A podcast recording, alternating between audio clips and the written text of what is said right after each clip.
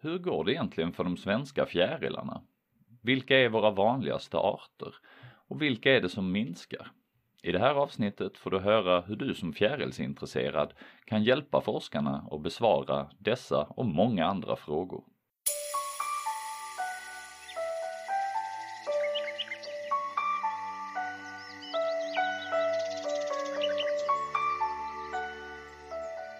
Hej och välkomna till det tionde avsnittet av Eriks fjärilspodd med mig, Erik Cederberg. I det här avsnittet får du höra vad du som fjärilsintresserad kan göra för att hjälpa forskarna hålla koll på hur det går för de svenska fjärilarna. Gäst i det här avsnittet är Lars Pettersson. Lars är docent och forskare vid biologiska institutionen vid Lunds universitet Hans forskning handlar om ekologiska och evolutionära frågeställningar inom bevarandebiologi med ett särskilt fokus på just dag och nattfjärilar. Lars leder och samordnar Svensk dagfjärilsövervakning, en del av Naturvårdsverkets miljöövervakning, som tar hjälp av frivilliga för att kartlägga och följa hur det går för Sveriges dagfjärilar. Och det är det du kommer få höra mer om Eh, hur man gör och som vanligt när det är två fjärilsnördar som pratar så blir det många stickspår om olika arter och det gångna fjärilsåret, rön från den senaste forskningen och mycket mer. Här kommer Lars Pettersson. Då välkomnar jag till Fjärilspodden Lars Pettersson. Välkommen hit! Tack så mycket! Eh, det här är jag väldigt spänd på för jag har ju tänkt länge att jag ska göra ett avsnitt med dig om eh, svensk dagfjärilsövervakning som du basar över kan man väl säga. Mm. Eh, men vi inleder som jag brukar. Hur kommer det sig att du hamnade här med fjärilar och att det blev en så stor syssla? Ja, men det är egentligen en, en ganska lång och vindlande historia. Men det, um det börjar väl med att eh, eh fågelskådare från början, eh, någonstans 80-tal och sen så ganska snabbt efter bara något år upptäckte jag att eh, någonstans från eh, ja, midsommar och fram till att det börjar bli en höststräck i slutet av juli. Eh, om man då bor i Skaraborg, eh, som jag gjorde på den tiden, så, så är det ganska dött fågelmässigt från ja, midsommar tills det börjar komma lite arktiska vadare i, i skiftet juli-augusti. Och då var det ganska uppenbart att det fanns ju fjärilar, så det kom jag på att det var en himla kul grej att hålla på med. Och i den vevan så var insektsknuffen för eh, fältbiologerna igång också, så att eh, jag var rätt aktiv i det och eh, slog rätt mycket ett slag för att hålla på med både dag och nattfjärilar. Eh, så jag höll på eh, ganska mycket med det eh, i, i fältbiologerna. Vi hade faktiskt, 87 hade vi någonting som vi kallar för insektsbussen som åkte runt från, ja, från, från eh, längst i söder och eh, ända upp till Ammarnäs eh, och hade exkursioner med både allmänhet och fältbiologklubbar.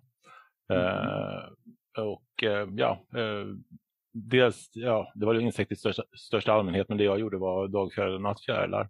Så jag lyst på diverse ställen. Så att om någon undrar så vid midsommartid så går det att lysa efter nattfjärilar upp till eh, Dalarna. Från Dalarna norrut fick vi bara knott på lakanen, så det kan ni glömma. Så Men eh, så, så det höll jag på med och sen så började jag läsa biologi här nere eh, i Lund.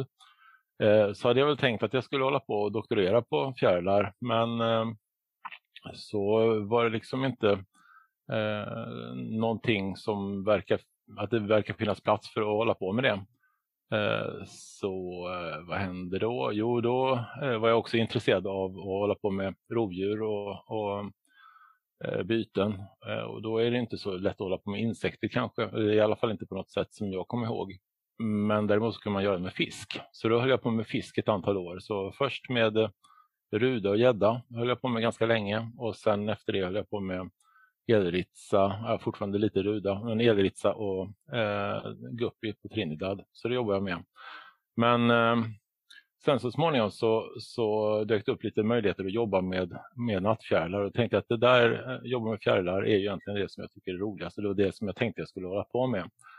Eh, så då började jag jobba med nattfjärilar och gjorde ett gäng olika försök med det och inventera på olika områden i, i Skåne här.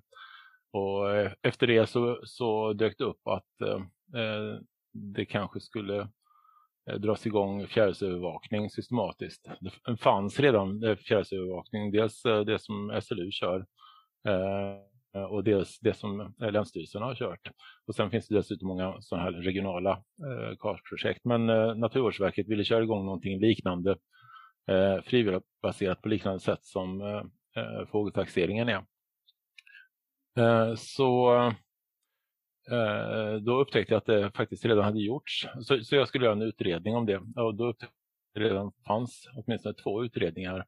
Eh, så att jag började titta på hur man skulle kunna starta det. Oavsett vem som skulle göra det så var jag intresserad av att liksom se hur man skulle kunna dra igång en sån grej och vad man skulle göra. Så att jag åkte runt och eh, pratade med andra fjärrsövervakningar. Så jag var i, i England och pratade med dem där som liksom har varit jättebra och aktivera frivilliga. Jag var i Finland och pratade med dem för att de eh, har liksom liknande habitat som vi har och liknande utmaningar med ja, delvis glesbefolkning och dels eh, nordliga arter och så här.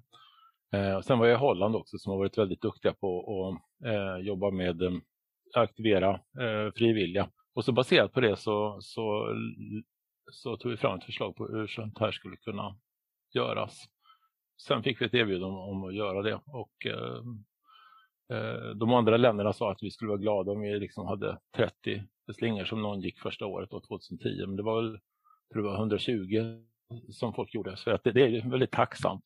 Alla tycker om fjärilar. Eh, jag tror jag har träffat eh, två, kanske tre personer någonsin som inte tycker om fjärilar. Eh, dagfjärilar alltså, det, det får man säga att vill man göra en rolig sak så kan man gå in på Facebook och söka efter dagfjärilar. Man hittar massor med grupper som älskar dagfjärilar. Sen kan man göra experimentet att man tittar efter nattfjärilar. Då kommer man hitta tre gånger så många grupper som hatar nattfjärilar. Det fattar jag inte för jag tycker de är otroligt kul. Men i alla fall. Nej, så det är, en, det är väl en lång berättelse. Det, det, eh, jag började som fågelskådare, eh, kom på bättre tankar. Eh, jag håller i och för sig fortfarande på med fåglar men, eh, men liksom Eh, kom på att fjärilar är himla kul. Eh, jobbar både med natt och dagfjärilar, sen så lång paus och sen så kom jag tillbaka till detta. Så att det, det är väldigt spännande. Ja, och det tror jag eh, andra i Fjärilsverige är glada över för eh, det har ju varit, eh, som, precis som du var inne på, ett väldigt framgångsrikt projekt som har hållit på ett bra tag nu, det här svensk dagfjärilsövervakning. Samtidigt så ser vi ju eh, att intresset har vuxit enormt för, för fjärilar. Eh, på sista tiden och insekter generellt. Eh, så jag tycker ändå att vi tar det från början om det nu är lyssnare som, som inte har någon aning om vad vi snackar om när vi pratar svensk dagfjärilsövervakning. För det här är ju ett medborgarforskningsprojekt eh, kan man väl säga.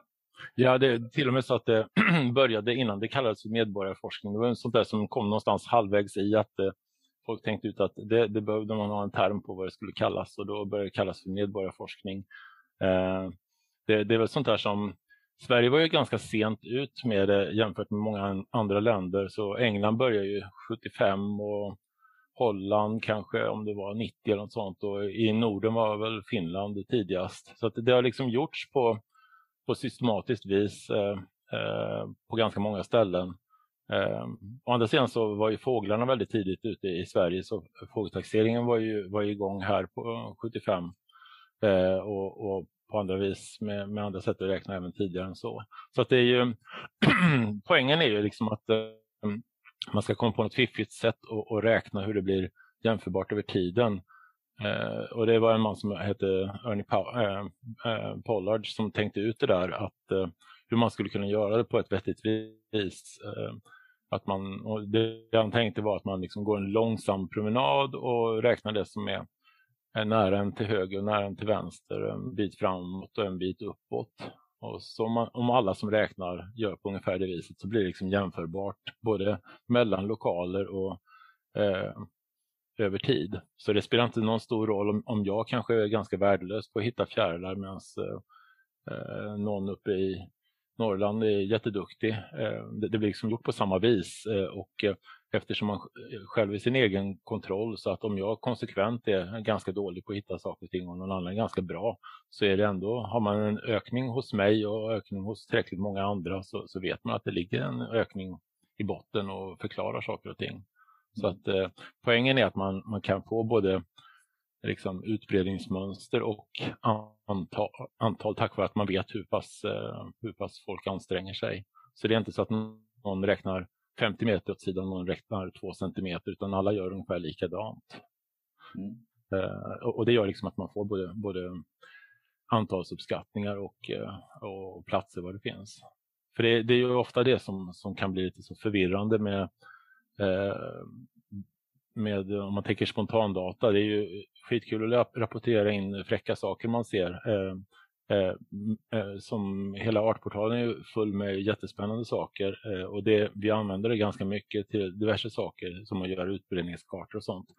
Eh, men eftersom man inte vet hur mycket folk har ansträngt sig så, så just nu så finns det i alla fall inte metoder för att omsätta det till antal. Däremot trender i eh, var fjärilarna finns och inte finns, utbredningar och så, det går det alldeles utmärkt till. Men eh, för att veta antal så behöver man liksom standardisera hur pass mycket folk gör. Mm. Så att, eh, ja. Jag tänkte om, om vi bara tar eh, lite kortare frågor eh, eh, kring hur man kan delta i det här och, och, och liknande. Eh, så tror jag man som lyssnar kan få en bra bild. För vår förhoppning är ju att det ska strömma till ytterligare några glada fjärilsövervakare efter att de har lyssnat på det här. Så först och främst en uppenbar fråga kanske, men vem får lov att delta och inventera fjärilen? Ja, det får egentligen eh, alla som vill göra eh, och det är ju det att det finns inte fler arter i Sverige än att man kan lära sig det ganska lätt. Eh, det hade varit jättesvårt att dra igång något sånt här för kanske 20-25 år sedan. För då, dels fanns det kanske inte riktigt lika bra fältbestämningsböcker, men det fanns inte, det fanns inte kameror på det viset som det finns nu. Eh, skulle man ta en bild av någonting eh, så dels kostar filmrull den ganska mycket och det skulle skickas till, till, till framkallning och så här och sen fick man tillbaka det så kanske det var några bilder som var skarpa och några som inte var det. Nu kan man liksom bränna iväg jättemånga bilder med en mobil eller ändå mer om man har en systemkamera. Eh, eh, många av dem blir helt kass men många, eh, många kan ändå bli ganska bra. Så, att, så det ser man ju att det, det är mycket lättare att eh, liksom dokumentera det man ser och sen be om hjälp. Mm. Eh, och det, det håller ju också på det ändrar sig ju extremt mycket just nu för att eh, eh hittills har ju den stora eh, grejen varit att man har kunnat eh, prata med folk eller ladda upp bilder och skicka frågor. Det, det gör ju de, de, flesta fortfarande. Man lägger upp på Facebook-sidan eh, eller man lägger upp på vår hemsida. Eh, man, man mejlar in bilder och frågar vad är det här för någonting och så. Eh, och, och, det brukar ju ofta vara när det är så här kluriga arter som på sommaren med, med ljung och hedboving och så här. Men, men nu håller det på att revolutioneras helt och hållet med att det kommer eh, eh AI-appar som hjälper till med bestämningen också. Så det är ju en helt annan grej att eh, eh kanske inte dagfjärilar att det, att det är så aktuellt där än, men för nattfjärilar kommer det bli en total revolution. Eh, man märker redan nu på artsoraklet från Norge som, mm. Eh, som funkar jättebra. Det finns flera olika sådana som är, som är på gång, så det, det kommer bli en jättestor skillnad. Men för att återvända till hur man gör, så det, det är liksom, man behöver inte kunna någonting innan, utan det går fint att börja och eh, liksom prova på. Eh, och då är det ganska bra att göra så att man är ute kanske ganska ofta eh, på våren. Eh, och så att man, så man träffar på samma eh, fjärilar flera gånger så att man känner igen några och några blir nya. Jag minns fortfarande eh, från när vi drog igång 2010 så var jag och pratade på, på Gotland och hade ett möte där. Eh, de köpt 25 bullar men det kom 120 pers så det var rätt många som inte fick några bullar. Men, men, eh, men alla var glada ändå. Eh, men då var det en som frågade att hon sa att eh, jag kan Eh, jag kan citronfjäril, är det någon mening att jag är med här? Eh, jag skulle gärna vilja men jag kan ingenting. Eh, och då sa jag ungefär som jag sa nu då att eh, ja men eh, var ute en gång i veckan och liksom eh, titta på vad du ser. Använd, använd gärna en hov så du kan kolla noga vad det är och, och så här och fota om det är något konstigt. Men var ute regelbundet, då kommer du se samma arter många gånger men det kommer någon ny efterhand. Så ändrar det sig så liksom successivt. Hon gjorde så eh, och eh, gick då från att i början av maj så kunde hon citronfjäril till att i slutet av juni, början av juli så skickade hon bilder på frambenen på Ljung och Hedblåvinge för, för att få hjälp med att se om de hade eh, den här taggen eller inte. Så hon har gått från att kunna citronfjäril till i princip kunna ge sig på det svåraste som finns överhuvudtaget. Så att det går ju det går faktiskt att lära sig det här jättesnabbt. Det kan jag säga också apropå det här med, med hur man kommer med och eh, vad man behöver kunna och så att Naturvårdsverket som, som är de som betalar för att vi håller på eller för att jag åker runt och håller föredrag och så här. De var väldigt tydliga i början med att de hade två mål med, med svensk dagfjärilsövervakning. Det ena var liksom att eh, få de här trenderna så att man kan använda fjärilar för miljömålen som vi gör nu och, och liksom följa hur de ändras över tid. Det var det ena, men det andra var att slå ett slag för närnatur och liksom eh, inspirera folk att gå ut och titta på det som finns runt knuten. För det är ju eh, stora delar av Sverige har det aldrig rapporterats en enda fjäril ifrån. Så att eh, det är ju otroligt eh, stora vita fläckar eh, och det är ju inte bara liksom man tänker sig eh, eh gles tallskog någonstans i inre Härjedalen där det inte bor så många. Utan det är, man kan bara åka ner till Eh, sydöstra Skåne så finns det nästan ingenting där. Man kan liksom dyka in i artportalen, zooma in till, om man söker ut varenda fjärilsobs som finns, så ska man se att det är nästan tomt där när man väl zoomar in på kartan. Så det, det finns jättestora luckor överallt så att det är ju det är ju väldigt kul och jag skulle säga det att alla som, som, som eh, räknar fjärilar på det här viset, de har nog träffat på saker som de som de inte väntar sig just för att man tittar efter dem runt knuten. Så att det, det, det, brukar alltid vara någonting som dyker upp som man inte tror. Det är ju en tjusning också när man lyckas hitta eh, någonting nytt på en plats. Alltså jag, det är en helt annan grej när det dyker upp en blåving i min trädgård än när jag ser den ute där jag vet att den finns. Eh, tycker jag. Så det, det, det är en, eh, eh, ja, det gör själva fjärilshobbyn mer intressant om man tar sig an lokaler på det här sättet. Att man skaffar sig inventeringsslingor. Eh, jag, jag tänkte det finns ju, jag tror du nämnde slinga och jag sa det nu, ni har ju två former av inventering som man kan, eh, kan man kan göra. Slinginventering och punktinventering. Ja precis, de kompletterar ju varandra lite grann där. Jag, eh, från början så gjorde jag rätt mycket punkter och så, men jag har nog blivit mer, mer och mer att jag tycker om slingor just för att eh, man kan täcka in lite olika habitat och så. Men, men det det är att en, en punkt är någon plats eh, det kan, det kan vara var som helst. Folk har det i sin trädgård eller man kan ha det eh, någonstans i skogen på en äng eller ja, var som helst. Och det är en mittpunkt och så eh, 25, 25 meters radie runt det. Eh, och så räknar man den i en kvart. Ehm, och eh, det måste ju inte tvunget vara en cirkel sådär, men det, det viktiga är att det är samma plats som man, som man besöker tillbaka, att man räknar lika mycket. Så att eh, man, man räknar i samma begränsade område i en kvart eh, och det är då en punktlokal. Medan en slinga är så att man lägger upp en lagom lång promenad och eh, räknar det som man ser vid sidan om där man, där man promenerar. Eh, och ofta gör vi så att vi delar upp den i olika bitar, och olika segment beroende på vilka naturtyper de går, går igenom. Så det kan vara en bit som är en skog, en bit som är en betesmark, en bit som är kanske en vägkant eller sådär, så, så ser man vilka arter som finns på vilket ställe. Eh, men så går man det i lugn promenadtakt så man har en chans att, att se vad som finns. Eh, och, och, som jag sa innan, så en, en, en eh, hov är jättebra att ha och eh, för den delen eh, en kikare med väldigt med bra närgräns eh, är också jättebra att ha. Så att Eh, Eh, då kan man kolla upp det och har man chans så kan man fotografera men det brukar ju ofta ta lite tid. Men eh, om man går sin, eh, sin promenad där och man hittar någonting som är konstigt så kan man ju avbryta då så tittar man närmare på vad det är och så fortsätter man när man har kollat färdigt. Eh, så att det är inte så att man liksom måste se allting med en gång eller sådär utan eh, man tar en paus och, och, och, så fortsätter man. Och det är liksom samma metod som folk gör över i princip hela Europa. Så det, det finns fjärilsövervakningar på det här viset i nästan alla Europas länder nu faktiskt. Och om man, alltså fjärilar kan ju vara rätt så kvicka av sig. Om man, om man inte hinner se exakt vilken vitfjäril eller vilken blåvinge det är man har stött på. Vad, vad, vad gör man då? Missas det inte en massa obsar på det sättet?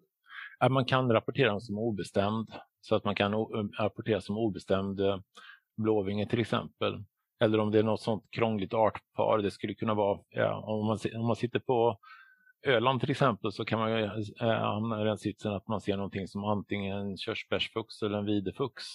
Och då kan man rapportera dem som antingen körsbärsfux eller videfux. På samma vis som det är Eh, så om man är fågelräknare och räknar streck så kan det vara svårt att se om varje silvertärna eller fisktärna är en fisk eller silvertärna. Så att vi, vi har liksom öppnat upp det och det är också sånt som vi eh, har, har eh, legat på Artportalen för att släppa in en del sådana eh, trixiga artpar så att, eh, så att det inte krävs att man ska identifiera varenda fjäril. För det, det är liksom inte eh, honor av, av ljung och hedblåvinge eh, kan vara helt omöjliga att se skillnad på. Och det är fortfarande så, det finns ängs och skogsvitvinge eh, är ju sånt artpar som är genuint jättesvårt. Det finns faktiskt en väldigt elak eh, artikel från, från Belgien som, som eh, genotypade en stor mängd av de där eh, båda arterna och även släktingen som, eh, som en liksom, sydlig, sydlig eh,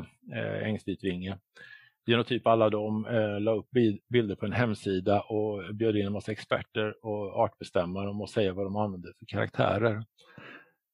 Och det funkar inte alls tyvärr, så det var ju ganska... Eh, men, men då är de i och för sig döda så att eh, hade man sett dem leva och sådär så är det en annan sak. Och, eh, jag vet ju att eh, de har ju olika parningsspel till exempel så om man, om man har eh, lust att sitta och titta på ängsvitvinge och skogsvitvinge när de, när de uppvaktar sin hona så, så beter de sig olika och honan svarar olika. Men, men eh, eh från, från bilder sådär eh, eller när man är ute och går i naturen, det är galet svårt faktiskt. Och det måste man ju vara liksom ödmjuk inför att allting är inte bestämningsbart. Eh, men det kan alltid bli bättre. Men, men vi, har ju, vi har ju bestämningsböcker som är galet mycket bättre nu än vad de var förr. Samtidigt så är, så är ju många av de eh, karaktärerna som är bestämningsböcker sådana som fanns i, i, i liksom, eh, bestämningsböcker på 40-talet. Så att eh, det är ju eh, det, det, är, det, är, spännande att många karaktärer eh, fortfarande används på samma vis. Sam, samtidigt är det spännande att, att en mängd karaktärer lyfts fram nu som eh, när, folk liksom har foton av eh, eh, foton av pärlmorfjärilar till exempel ovanifrån eh, så, eh, så saknar många av guideböckerna eh, karaktärer där som är liksom totalt säkra. Eh, och, ofta är det ju för att eh, har man dem insamlade eller man har dem i en hov så kan man titta på undersidan och få, få facit. Så det har inte varit samma tryck på bara titta på en ovansida för man har inte kunnat slänga iväg 50 foton och få någon suddig bild på en fjällpärlemorfjäril kanske eller vad det nu är man har. Eh, det där är ju saker och ting som har uppenbarat sig i, takt med att, man, eh, att det finns eh, fotomöjligheter och så. Så det, det har ju hänt mycket med. Men, men att gå längs med en slinga och, och liksom se vad som finns där, det, det, eller en punkt då, det är en sak som, det är himla kul att se hur det förändras och, och eh, vilka arter som är de vanliga, om det är ett bra år för dem eller inte. Och, eh, eh som min egen slinga här, Rökepipan utanför Dalby, så hade jag en, en bit som var jättebra för bastardsvärmare bland annat och, och också violett guldving och många andra arter. Eh, så blev det reservat och eh, av olika anledningar så, så blir det väldigt eh, hård hävd på, på delar av den marken. Och, och det är inte så lätt att, att veta liksom hur, eh, hur man ska hantera det eller hur man ska jobba med det.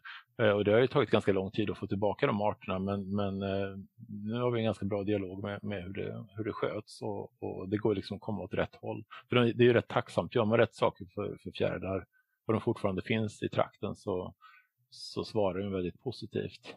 Finns det någon sån favoritexempel är från Söderslätt där de eh, pratar med en lantbrukare som, som eh, fördröjde sin slotter några veckor och eh, antalet bastardsvärmar steg från, från några tiotal till 14 000 på bara något år.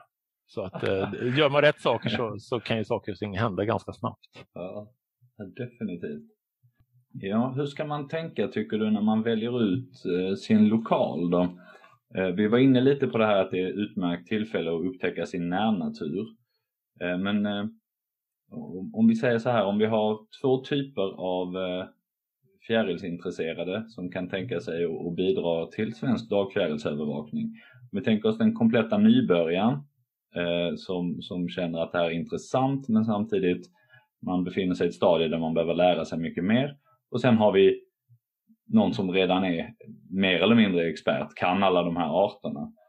Eh, och eh, då undrar jag, hur ska nybörjaren tänka och hur kan Svensk dagfjärilsövervakning utnyttja experten? Finns det några särskilda bitar som du skulle vilja se inventeras mer vad gäller olika naturtyper och så om vi går på andra hållet så att säga, om du får önska lite fritt? Mm.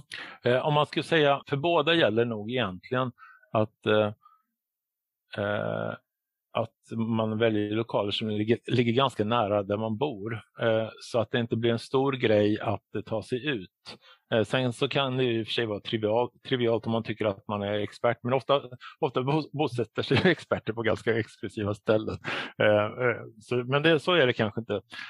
Men, men en bra grej är ju att ha lokalen hyfsat nära så att man kan smita ut där om det är bra väder. så, så det, det, det brukar jag säga ofta. Och vad det gäller habitat så så brukar jag tycka att det är bra för både nybörjare och erfarna att ha med flera olika habitat. För att man vet aldrig riktigt var, var eh, de kul grejerna finns. Och det ofta så underskattar folk eh, värdet av att vara i lite våtmarker och så här. För det, det är jobbigt och eh, där finns det inte så mycket. Eh, så det, det, är lätt hänt att man inventerar jättemycket i typ eh, Astrid Lindgren-typen av hagar.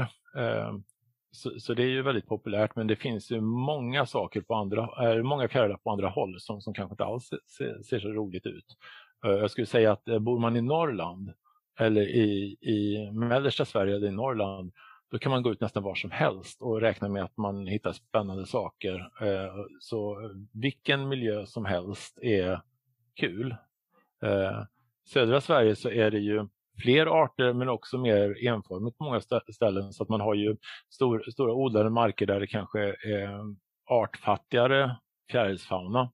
Eh, men där det också kommer in saker. Så att eh, så i, i Skåne kommer vi snart få, eh, det, det, blir jobbigt men eh, ger det ett par tre år så kommer vi ha in en en ny vitfjärilsart som heter, jag tror den heter sydlig rovfjäril som är på väg med snabb fart upp genom Europa. Eh, och alla har väl säkert önskat sig ännu en vitfjäril som är svår att bestämma så att den är på väg. men, eh, så det kan man ju hålla på med om man är expert och letar efter den. Men, men, eh, nej, men jag, jag, skulle säga att eh, eh, är man nybörjare så kan man börja nästan var som helst för att eh, men, men eh, prova lite olika eh, miljöer för att det, det kan vara skoj lite varstans. Men att det är lätt att nå stället för att eh, blir det jobbigt att ta sig till, om man liksom har en sån exklusiv ställe som ligger en timme bort så kanske det inte blir att man hinner ta sig dit och då, då förlorar ju mycket av det roliga med, med regelbundenheten och liksom se vad som, det kan, det kan ändra sig ganska snabbt i vad som flyger och är det då långt bort så hinner man kanske inte dit medan det är fint väder och så. Så att, ganska nära det skulle jag säga. Och är man expert så en grej som hade varit skoj, det hade ju varit att ha eh, lite så här som de har Missing People fast man hade kunnat ha med, med Missing Population så att man hade kunnat eh, använda gamla kartor och se vad det finns, eh, eh vad som finns kvar. För det är ju, eh, det, det, är ju lite sån eh, de moderna databasernas förbannelse att eh, fler och fler åker till färre och färre ställen för att eh, mm. man optimerar sin tid. Så att eh, vill man se liksom en, en, en mätare som är specialiserad på fältsippa så åker man till den bästa lokalen för den och fotar den där och sen åker man hem.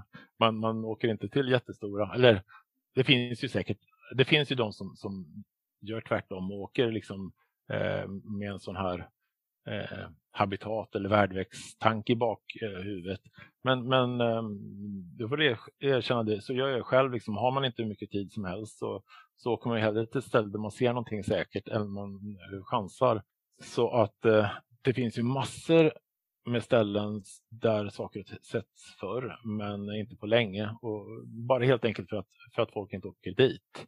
Jag vet en, en kollega till mig i Holland, han åkte runt i Hochefjäll som, som är Eh, det är mm, eh, också ett skjutfält precis som Revingfältet här utanför Lund. Ehm, eh, och, där har de, jag kommer inte ihåg om det är skogs eller ängsnätfjäril, men de hade i alla fall en sån population av, en, av nätfjärilarna. Eller de hade ett 20-tal småpopulationer eller platser där de var sedda. Men de senaste tio åren så har de bara sedd på tre av dem. Och då gav de sig katten på att besöka alla de där lokalerna. Det visade sig att de fanns kvar på nästan allihopa. Men det såg ut som de hade dött ut. Men det var ju bara för att de var långt bort från, från vägar och att det, fler och fler hade åkt till de bästa ställena så pallar man inte med att åka till de avlägsna ställena. Mm. Så att eh, eh, det, det, är liksom man, man kan ju leta efter sådana saker som finns det Finns det berggräskärr kvar i Skåne till exempel? Finns det det eller finns det inte det? Och, eh, det finns sådana här legendariska eh, eh, populationer som sägs finnas av asknätkärl i, dels i Blekinge och dels i norra Skåne. Finns de kvar eller, eller är det liksom bara myter? Det, och sånt eh, man, man, skulle ju kunna åka runt och leta efter saker och ting som skulle kunna finnas baserat på, på ekologi. Men det är ju lite så här nål i en höstack. Så, så vill man att experterna ska åka runt där och tråla i, i tråkiga granskogar på Hallandsåsen eller inte, jag vet inte. Men hade man hittat berggräskärr där så vore det kul. Mm. Eh, men eh, eh, jag, jag, skulle tycka att eh, alla som har ork eh, och, och, vill eh, har möjlighet att räkna i, i som sagt mellersta och norra Sverige. Där finns det galet mycket. Jag tror att eh, där, där skulle man nog kunna jag vet inte om det är bra eller dåligt, men det finns nog potential att liksom upptäcka att en del arter som anses vara ovanliga kanske inte alls är ovanliga när man börjar leta efter eh, ja, hur mycket har violetta guldvingen till exempel expanderat och hur pass mycket är den fortfarande ovanliga? Hur mycket turkosblåvinge finns det till exempel eh, när man börjar leta? Så, så det är sådana där saker som som är spännande. Eh, men, men eh, har, man, har man ork och, och känner sig som expert så en, en rutt som man eh, tycker är rimlig att gå i, i eh, roliga marker eh, där man har chans att liksom se om det, ja det, det kan ju vara liksom Eh, bor man i Småland någonstans där det förr fanns eh, guldvivfjäril så, så är det ju en sån grej som eh, man skulle kunna lägga en rutt där det finns chans att hitta det eh, och sådär. Eh, och, och, sen har vi ju, sen finns det ju liksom arter som är på väg ner och det, och eh, det där vi saknar ju en fjärilsförening i Sverige. Eh, jag vet inte vad den skulle heta, om den skulle heta fjärilsförening eller Butterfly Conservation Sverige. jag vet att Danmark eh, startar tydligen någonting, säger de, eh, som ska heta Butterfly Conservation Danmark. Men jag, jag vet inte, men, men vi saknar en fjärilsförening. Det, eh, Frösländerförening finns det och naturligtvis finns det entomologiska föreningen, men man, man saknar liksom en sån, eh, det, det, som britterna kallar för NGO, eller en sån eh, förkämpe just, just för den gruppen. Eh, och det, det, kan jag känna att det, det hade varit spännande att ha. Eh, att, att man liksom kan säga att så här kan man göra eller man lyfter fram att eh, nu, nu går det åt pipan för eh, guldvivfjäril kanske eller något sånt. Det, det, är så lätt att, att, sånt, att det hinner gå för långt innan man, innan man larmar liksom att eh, eh det finns, det finns, det finns och sen finns det inte alls. Så att eh, eh Eh, nå något sånt hade varit spännande. Men, men där, eh, där behöver man ju också som eh, in, input från från fält och också hjälp av, av eh, experterna som, som finns och eh, som har chans att liksom gå någonstans i en hopplös terräng och se någonting som man ser på håll som kanske kan vara rätt. Eh, och, och, det är ju det är mycket erfarenhet, erfarenhet med att liksom se något sånt som, som är ganska svårt att både känna igen vilken miljö det är och eh, att, att eh, upptäcka om det är någonting som bara svischar förbi att, att det kan vara något sånt. Så att eh, hotade arter känner jag väl är en sån. Hotade arter och miljö där det finns hotade arter är ju sån bra användning av experter. Men även var som helst i Sverige och, och egentligen så är ju alla ju välkomna att gå precis var som helst för att det är ju det vi gör är, är, ju på samma sätt som fågelövervakningen gjorde förr i världen att eh, folk får gå eh, där de själva vill. Eh, så vi har inga sådana förbestämda lokaler Eh, fågelövervakningen hade på det viset eh, från 75 till 97 eller något sånt när, när Sören Svensson som, som höll det då eh, berättade på ett möte att nu hade han lagt ut standardrutter i hela Sverige som var fyrkanter spridda precis över hela Sverige och där skulle man gå när man räknade fåglar, kom man fram till en sjö då fick man ro och så fortsätta på andra sidan. eh, och, och li, lite sådär tänkte ju Danmark tänkte ut något liknande 2010 eh, med en väldigt ambitiös plan för, för en systematisk övervakning eh, som man skulle vara ute en gång i veckan. Och de fick lägga ner ganska snabbt för att det var sådana liksom, jättestrikta krav på vad man förväntar sig och jag känner att man måste bygga upp en, en sånt, dels ett intresse och en, en entusiasm för saker och ting innan man kan börja eh, eh liksom lägga på eh, sådana mer striktare kvalitetsaspekter att nu måste du vara ute si och så. Eller, jag, jag känner mer att eh, eh, man kan lägga, lägga till det som en sån eh, inspirera till att liksom eh, vara ute oftare eller att, man, att regelbundenhet är en kul grej för man ser hur flygkurvor och sånt där, eller när, när de flyger och man får mer toppar på ett annat vis. Men att eh, eh, vi har varit öppna med att eh, folk, folk får lägga lokaler där de vill och eh, eh vara ute. Eh, vi har ju sagt eh, med tre, tre gånger på en säsong som man har fiffigt eh, utvalt med en i maj, kanske en runt midsommar, en i mitten av juli eh, så täcker man in det mesta. Men om man har möjlighet att vara ute oftare än så så, så, så täcker man snabbt in nästan allting som flyger. Så att, ehm, eh, det, det är väl sånt som vi kommer inspirera, försöka inspirera till mera. Eh, också i takt med att det blir lättare att eh, använda appar och så här och, och eh, rapportera med. Så det där är någonting som är på gång. Just att inventera i, i närområde och sånt. Det, eh, och eh, just det, det var det jag tänkte på. Att, eh, att alla är ju välkomna för att i och med att vi inte har eh, fasta stationer eller fasta lokaler så, så blir det en kvalitetshöjning för alla lokaler som kommer med. Så vi jobbar på att få flera lokaler istället för att eh, tvinga, tvinga ut folk till specifika lokaler. Vi försöker inspirera att liksom eh, eh, här, här, kan vi, här kan vi ha en bra bild av hur, hur det ser ut i Närke helt plötsligt, för det finns ganska många lokaler. Vi har ju också så att vi samarbetar med eh, Länsstyrelsen har haft sådana övervakning eh, faktiskt ett, ett, år längre än vad vi har eh, haft och även SLU har haft sån här övervakning ända sedan 2006. Fast de har ju den skillnaden att de har omdrev så de besöker sina lokaler vart femte år. Det, det har ju fördelen att man täcker in många fler lokaler eh, och kostnaden är att man Eh, missar delvis de här svängningarna mellan år för att då vet man inte om, om skillnaden i antal är att man har olika lokaler olika år eller om det är för att eh, åren är olika. Eh, man, man, kan man får ju fram det ändå, eh, man, man ser det ändå, men man kan inte, eh, man kan inte följa eh, upp och nedgångarna på samma detaljerade vis som om man besöker saker ja, varje år. Så det, det är lite eh, det är ett pris man får betala. Men vi samarbetar med, med båda, båda de två inventeringarna. Och det gör ju att eh, om man liksom kommer till ett sådant ställe som Östergötland eller eh, Närke som, som har sådana pågående inventeringar så kan man samanalysera det eh, med alla fjärilsinventeringar som finns. Och då kan man faktiskt få fram trender eh, just för där de, folk bor och se hur, hur det går för enskilda arter i en region Eh, jämfört med Sverige. Man kan också se hur de här sammanvägda indikatorerna över kanske fåglar eller fjärilar i, i skogsmarker, eh, hur de ändrar sig i Närke eller, eller på Gotland jämfört med andra delar av Sverige. Så det, och det, är ju, det tycker jag är en skitviktig grej faktiskt. Eh, och det är därför det är så inspirerande. Och liksom, eh, eh, jag kommer tillbaka till att säga liksom mellersta och norra Sverige. att eh, det, det, är ju en sak att säga hur går det för fjärilarna i Sverige. Men egentligen så hade man sett på Europa som helhet så hade ju Sverige kunnat vara fem länder kanske. Eh, man kunde klämma in ganska många Belgien i Sverige. De har ju sina egna fjärilstrender. Så det är inte alls tvunget så att eh, eh, hur det går för fjärilar på Gotland avspeglar hur det går för fjärilar i, i Västra Götaland. För att det kan vara en blöt sommar i Västsverige medan det är skittorrt på Gotland.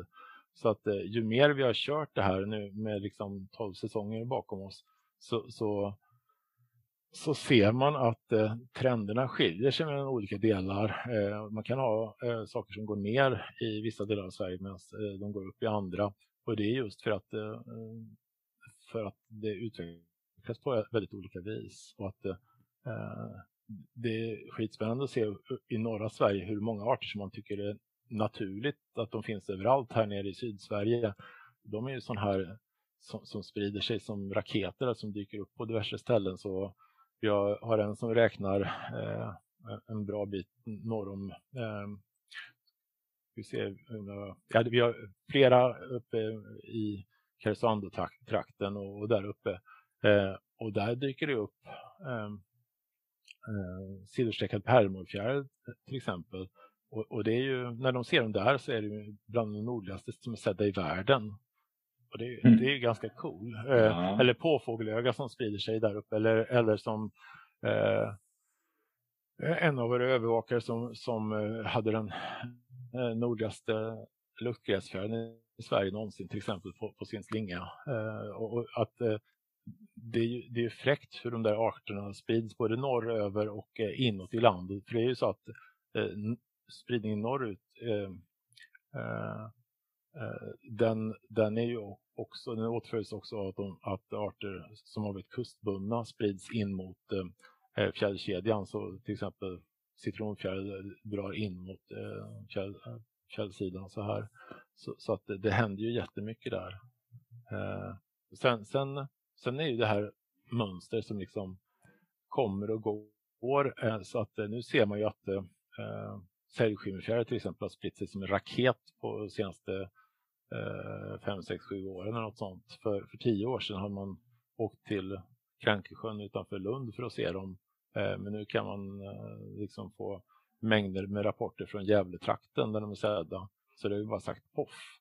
Eh, och så gjorde ju ehm, kartfjäril eh, strax innan. Både säljskimmer och kartfjäril kom hit samma år på 80-talet. Även kartfjäril spred sig mycket tidigare än vad, än vad, än vad säljskimmer gjorde. Men nu ser vi hur eh, kartfjärden har ju minskat eh, ganska rejält eh, eh de senaste tio åren. Eh, Medan det går, verkar gå ganska bra i utkanten, norra utkanten av utbredningsområdet.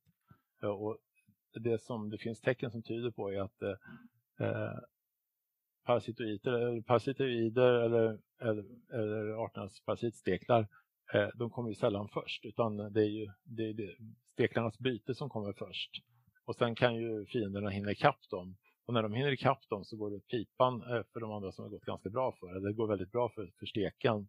Eh, Medan eh, där de inte har hunnit än så är de fortfarande på, på bra väg norrut. Eh, och så kan man nog misstänka kan hända med säljskimmer också. Eh, och det verkar som om det där typen av mönster har, har hänt historiskt för många arter. Att eh, man har sådana expansioner och avdöende igen och sen så kommer nya vågor. Så eh, när jag började med fjärilar eh, på 80-talet så var det en sån sanning att eh, kvickgräsfjäril hade invandrat till Sverige dels från sydväst, eh, Danmark och dels från, eh, från Finland. Eh, så den har två, för det finns ett sånt band tvärs över Sverige ehm, från, från Halland och neråt Blekinge där det inte finns kvickgräsfjäril. Eh, sydväst om där finns den och nord, eh, nordost om där finns den. Och det var liksom som sanning att de har kommit från Finland och de har kommit från Danmark. Och de har inte mötts än. Men när man tittar på det molekylärt så visar det sig att de har kommit från sydväst ett par gånger fast stött ut bakifrån. Så att det, det, är så att de inte har hunnit kapp sig själva än. Och, och sånt där eh, kan man ju tänka att eh, eh det kan ju vara det som pågår med kartfjäril till exempel. Det är kanske det som en och annan cellskivkärr skulle kunna bekymra sig för om de inte var fullt upptagna med att sprida sig norrut. Men, men, eh, men just de här vågorna, jag, jag, jag satt på, det var en sån total aha-upplevelse, det, det är folk i Stockholm som har visat det här, eh, Gotthard och, och kollegor till honom. och, och, de har liksom kunnat visa hur, hur, hur det är vågor som har, som har kommit och, och utdöenden. Men man ser, man ser det liksom i spår i, i molekylära data att eh, att eh, de finns kvar, de här som har kommit tidigt. Eh, och att de, är, de har korsat sig med varandra, men, men det är inte så att de kommer olika, några österifrån och några väster, västerifrån, utan de har liksom kommit, försvunnit ner i antal och sen har de kommit igen. Man glömmer ju ofta det nu, nu när man pratar så mycket om eh, Eh, globala förändringar och att de sprider sig för att det blir varmare och så. Eh, eh, det, det, gynnar ju arter som trivs när det är varmt, när, när det är varmt och det, det växelvarma djur rör sig snabbare när det är varmt ute och så vidare. Så det är klart att, att det snabbar upp allt det här. Men i bakgrunden så är det nog också så att vi har sådana här som dynamik när de kommer och sen försvinner de ner. Alla kan, man kan ju lätt liksom relatera till hur det plötsligt bara dök upp videfuxa. Och det, det, det, det är rätt cool för, för både de, de två stora invasionerna på senare tid, eh, videfuxarna då eh, för snart tio år sedan och eh, Tistelfjärden 2018, de har ju dykt upp via övervakare som har hört av sig till mig. Eh, båda gångerna från Gotland faktiskt. Eh, eh, första gången var, var det folk på Sydgotland som, som hörde av sig att det, om det var 2014 tror jag om jag minns rätt. Eh, I mitten på juli 2014 så, så, så kom det fjärilar över havet och dök, dök upp på deras eh, slinga och undrade vad det var för någonting. Jag skickade en bild så var det en videfux. Och sen så bara massivt kom de in över hela eh, eh östkusten och dök upp på folks slingor eh, lite varstans. Fanns här, alla trodde de skulle vara borta efter en, en säsong men de fanns ju kvar här eh, två säsonger. Och sen drog alla, eh, först till, först till Norge och åt det hållet och sen, sen söderut. Så att, eh, eh, två år efter att de kom hit så, så var jag i Dalsland och såg liksom Videfux där som eh, i princip inte setts där överhuvudtaget. Men det var i den här fasen när de, när de drog först västerut. Och sen dök de upp här i Skåne och, och sen fortsatte de ner i, över kontinenten. Så, och sen försvann de. och det där verkar ha hänt då med typ 50 års mellanrum, så det är ju sånt, vissa arter gör så. Och riktigt hur, hur, vad som styr det, det, det vet man inte, men, men rätt på det så plötsligt händer det. mm. och, och likadant, likadant med, med tistelfjärilarna. Då, det, det hade kollegor som var nere på, i Medelhavet på kurs på Rhodos tror jag och när det var på väg över havet från, från Israel i enorma mängder eh, så tänkte jag att ja, kanske kommer de hit, kanske gör de inte. För ofta brukar de här invasionerna liksom ta stopp någonstans där nere i, i Sydeuropa. Att eh, det är liksom inte läge att flyga vidare. Eh, att stanna där så kanske det är dåligt väder så. Men, eh, men det var någonstans typ skiftet mars-april. Och sen någonstans i mitten på maj så, så var det också en fjärilsövervakare på Gotland som hörde av sig. De hade liksom på 10 meters höjd kom det orangea fjärilar i världens fart så fort som de inte hann se dem. De bara stack mot, nord, mot väst. så tänkte jag nu shit, nu är de här. Och det var, så var det ju. Sen, sen vräkte det bara in liksom. Och det var ju galet mycket som, som kom då. Så att eh, det, där är ju, det är ju fräckt att, att, att se det och, och, det hade man ju sett även om man inte hade haft slingor och så. Men det är ju det är kul att liksom se det på sin hur det kan hända något helt sjukt märkligt där man räknar längs en fjärilslinga eller bara en punkt i trädgården. Så att shit, det är ett konstigt år. Det märkte vi ju i år också på sorgmantlarna. Var ju, ja, precis. Eh, aldrig haft en sorgmantel i trädgården och så nu hängde jag ut lite beten och sen hade jag fem stycken liksom eh, ja, när jag hade som flest. Och det där var ju också, det där var ju också någonting som, som folk som räknade slingor hörde av sig. Eller, nej, i det fallet var, var det nog en punkt. Det finns, uh, finns en sån konsthall som heter konsthallen Norra Kvarken uppe i Nordmaling eh, och de hade eh, de hade otroliga mängder. För de, de här kom ju förmodligen ja, då från Ryssland över Finland. Vi, vi gjorde några animationer på, på hur fynden liksom passerade över Sverige och sen stack vidare. Och, och, de hade ju liksom hela sina träd fulla. och sen så, sen så försvann de över hela Sverige och sen så, så drog de då. Men, men det är ju otroligt att det händer sådär. Och man, man känner ju att eh, på något vis har ju fjärilarna nått hit eh, och koloniserat och en, en del stannar ju. Så det finns en del videfuxar kvar nu som kanske på ställen där de inte fanns innan. Eh, men, men eh, eh, och, och vad det gäller sorgmantel så sådana invasioner brukar göra så att de eh, koloniserar Storbritannien till exempel. Så dör de ut därifrån, sen så kan det bli en invasion så finns de igen. Eh, så att eh, vi ligger väl i mera spot on vad, vad man tycker om att vara en sorgmantel. Men på andra ställen så, så är det inte så lätt och då, då kan sådana här bara fylla på en population så, så finns de sen igen. Så det, nej, det är skitspännande faktiskt. Ja. Vi har ju vi har lite halkat in i det, i det jag tänkte vi skulle prata mer om sen, nämligen resultat och forskning och så här. Men jag tänker om vi, om vi avslutar själva eh, diskussionen om inventering och så här. Om man, om man sitter och lyssnar och känner att man har blivit riktigt taggad. Vad krävs för att man faktiskt ska kunna börja rapportera? Vad är det man behöver göra? För att man måste ju ta kontakt med er för att ni ska veta att man vill syssla med det här. Ja, man kan, eh, man kan gå in på vår eh, hemsida. Den, den är enkel att hitta. Man, man googlar på dagfjarilar så hittar man oss ganska snabbt. Eh, borde man göra. Det finns en Facebookgrupp också. Um, så kan man höra av sig, man kan ringa eller man kan mejla. Eh, och så når man antingen mig eller också Harriet som också jobbar där. Eh, så skickar vi ut lite material och sen är det egentligen bara komma igång. Vi behöver mest veta var, var man vill vara och räkna och sen så går det, går det fint att börja. Um, och vi försöker liksom supporta så gott vi kan um, medan man börjar. Eh, att man kan skicka bilder och så för, för, för hjälp. Och det börjar bli lite mer ett community nu också så att eh, vi, vi eh, eh har, håller precis nu på kart eller gör kartskikt av, av alla lokaler som finns. Och det där är någonting som folk har funderat på, både för att eh, hälsa på varandra, men också sådana här lokaler som, som kanske gjordes för tio år sedan men, men eh, Eh, den som gjorde har flyttat någon annanstans eh, och så kanske det flyttar in någon ny och undrar om det finns någon lokal som man kan börja med. Eh, så att man kan liksom boka sådana som har gjorts tidigare. Eller, eller bara gå någon lokal som är, som är spännande för att det är kul saker som ses där. Så där, eh, eh där är vi på god väg. Vi räknar med att bli klara med i princip allting nu i vinter. Eh, så, att, så att alla lokaler finns som en kartskikt så man kan se var de finns.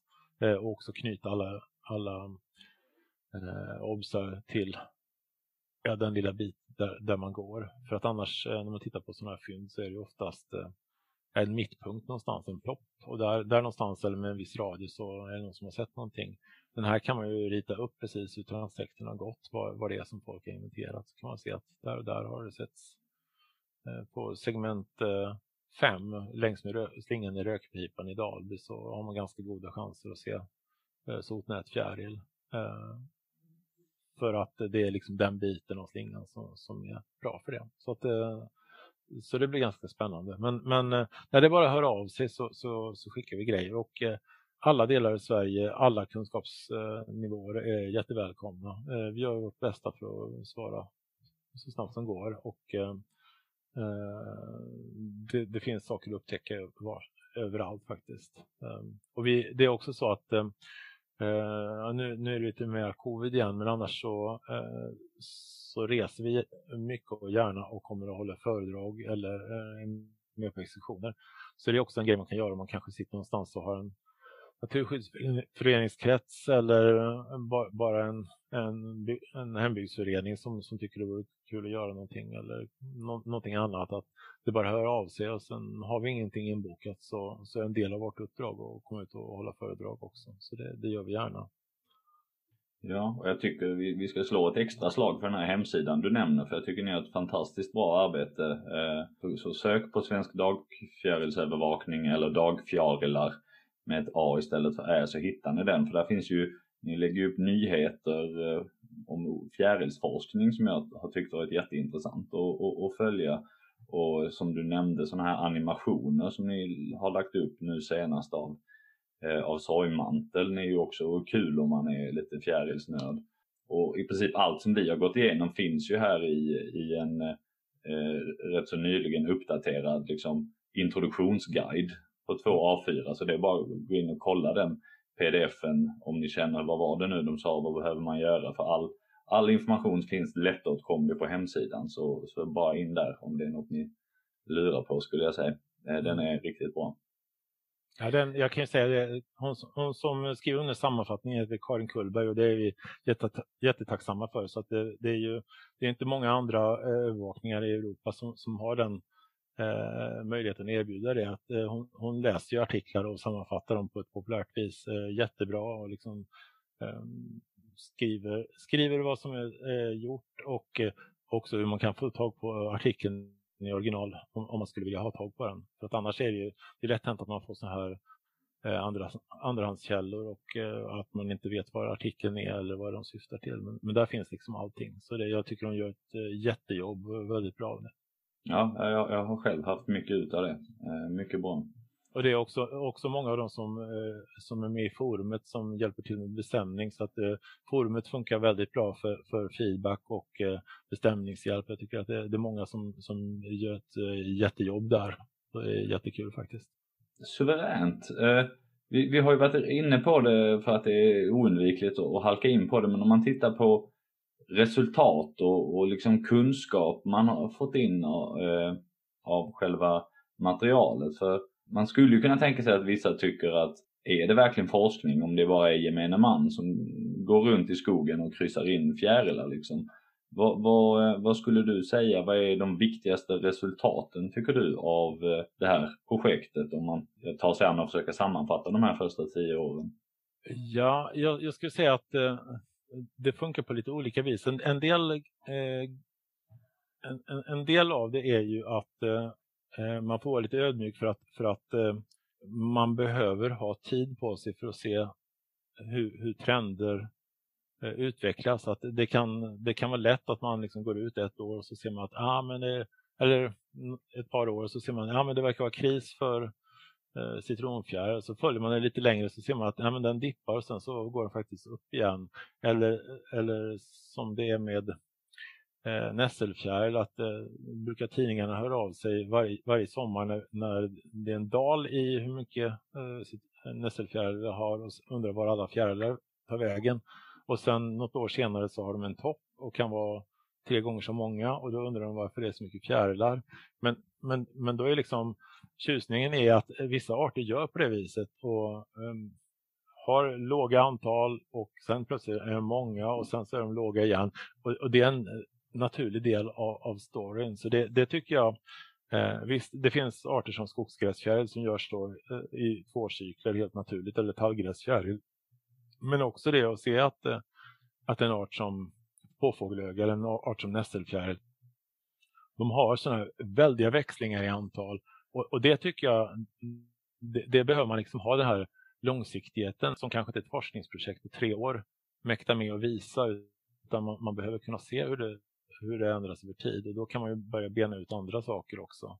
Så det, det är ju en spännande sak. Men, men annars om man ska säga eh, roliga grejer som, som, eh, som vi har upptäckt Eh, då, då, är det lätt att tänka sånt som ligger närmast till hands eh, och som har hänt senast. Men det är en grej som är otroligt skoj som, som faktiskt baseras på frivilliga fjällräknare i eh, Göteborgs, Stockholms och Malmötrakten eller eh, sydvästra Skåne är ju en studie som vi hade i nu i höstas, ett, eh, eller som vi var en del av, där vi tittade på rapsfjärilar i, i urbana miljöer och eh, områden i, i, Eh, utanför urbana miljöer eh, i Finland och i Sverige. Och så eh, tydde då fjärilsövervakarnas data på att eh, rapsfjärilarna och även ehm, eh, rutig buskmätare som är nattfjäril, att, att de var aktiva längre i städer än vad de var i omgivande områden, trots att de var så nära varandra. Eh, och det skulle ju då kunna bero på att eh, städer är varmare eh, än omgivande marker eh, och att eh, fjärilarna skulle kunna svara på det där. Eh, att man har en selektion för att anpassa sig till ett varmare klimat. Eh, man kan också tänka sig att det finns eh, ett konstgjort ljus som lurar dem att vara igång längre. Eh, och det skulle kunna funka som en ekologisk fälla, att de är igång för länge och så dör de bara. Eh, så det vore inte så bra.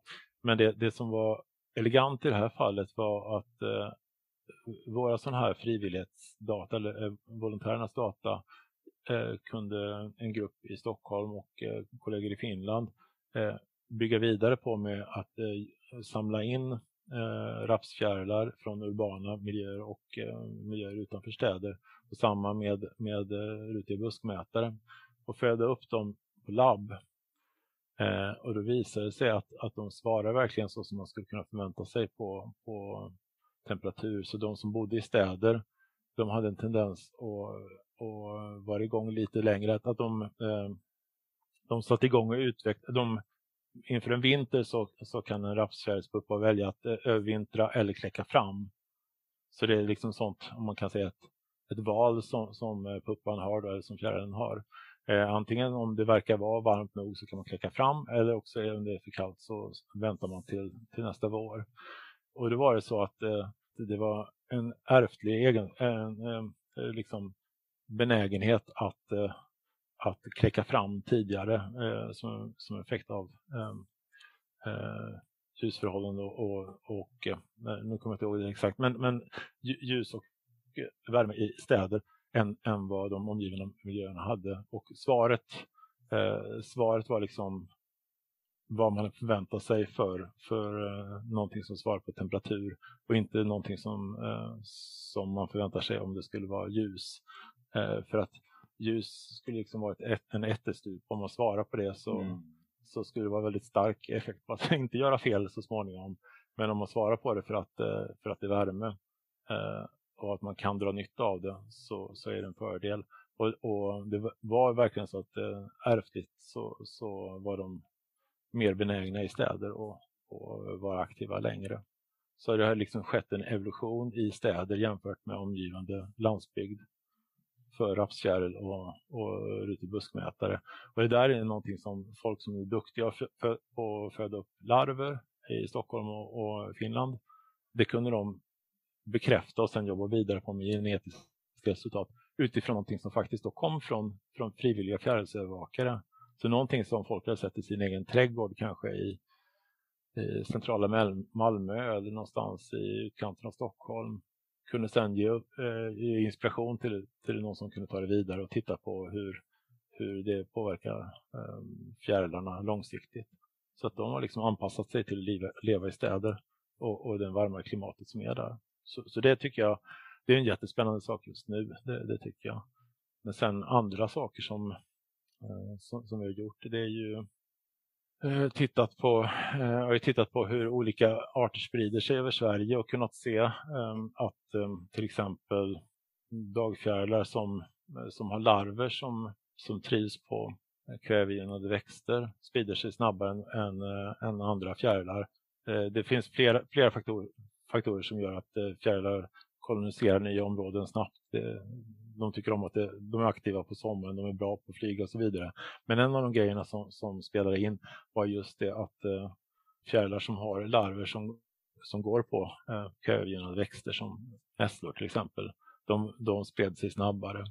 Eh, och det är, ju, det är ju spännande på så vis att eh, att vi har kvävenedfall från, från eh, trafik och så här, att vi har en sån gödning hela tiden Eh, och att det då kan plockas upp av fjärilar eh, som jobbar på de växterna. Och just den här kopplingen mellan, eh, det, det, tycker jag är en jättespännande sak som, som blir tydligare och tydligare ju, ju mer man håller på med det här med, med fjärilsövervakningen. Att, eh, det, det, är så lätt att tänka att vill man gynna fjärilar så tänker man på de vuxna, men man måste liksom tänka på att eh, allting börjar ju med, med äggen på en värdväxt och de larverna som ska leva där sen. Så, så att eh, det, det, var ju supertydligt då efter, efter torkan eh, 2019.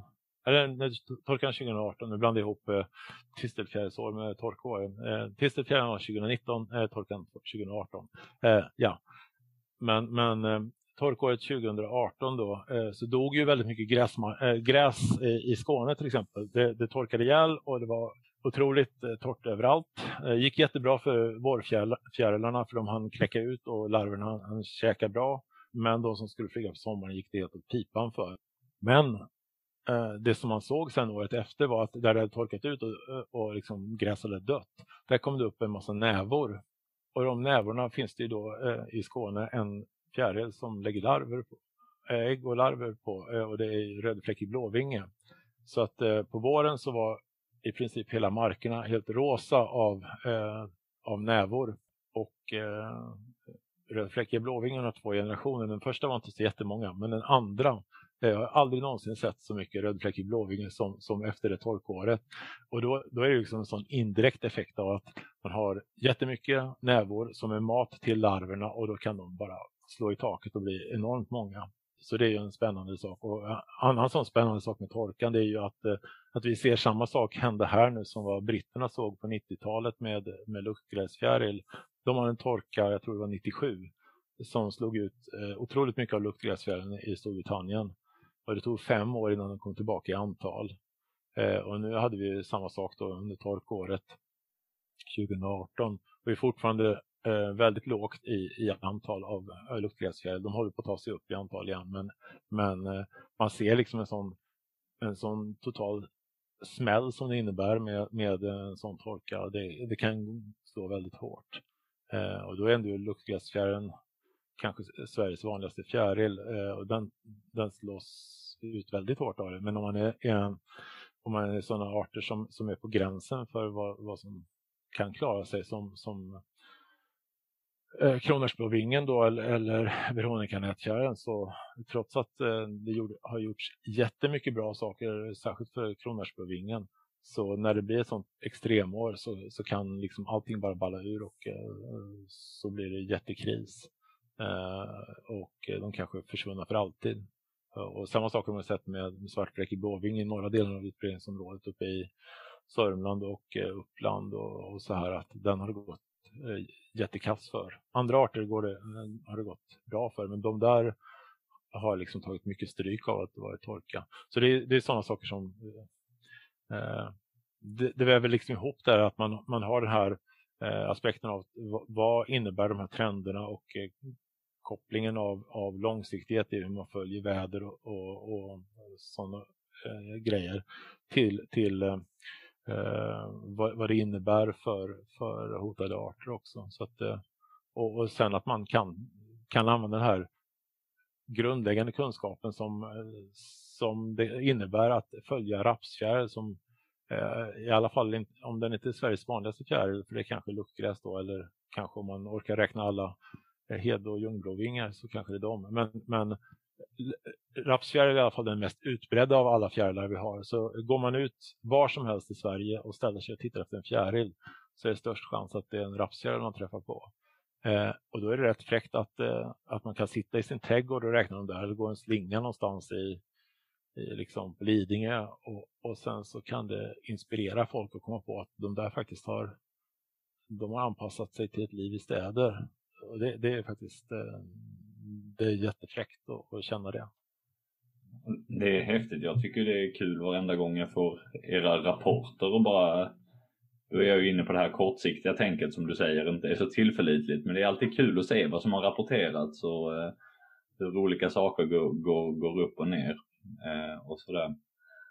Vad, eh, vad, vad, skulle du säga bara om, om, eh, eh i mer faktiska resultat. Du pratar om att det är för kort med 3-4 år men på de tio år eh, du har, vilka arter eh, tycker du? Du ser liksom en, en tydlig nedgång över tid där vi inte talar om så här en torka som slår för det, det är ju rätt så tydligt. Men eh, vilka är illa ute och, och har minskat om vi säger i stort sett under hela tiden det har övervakats?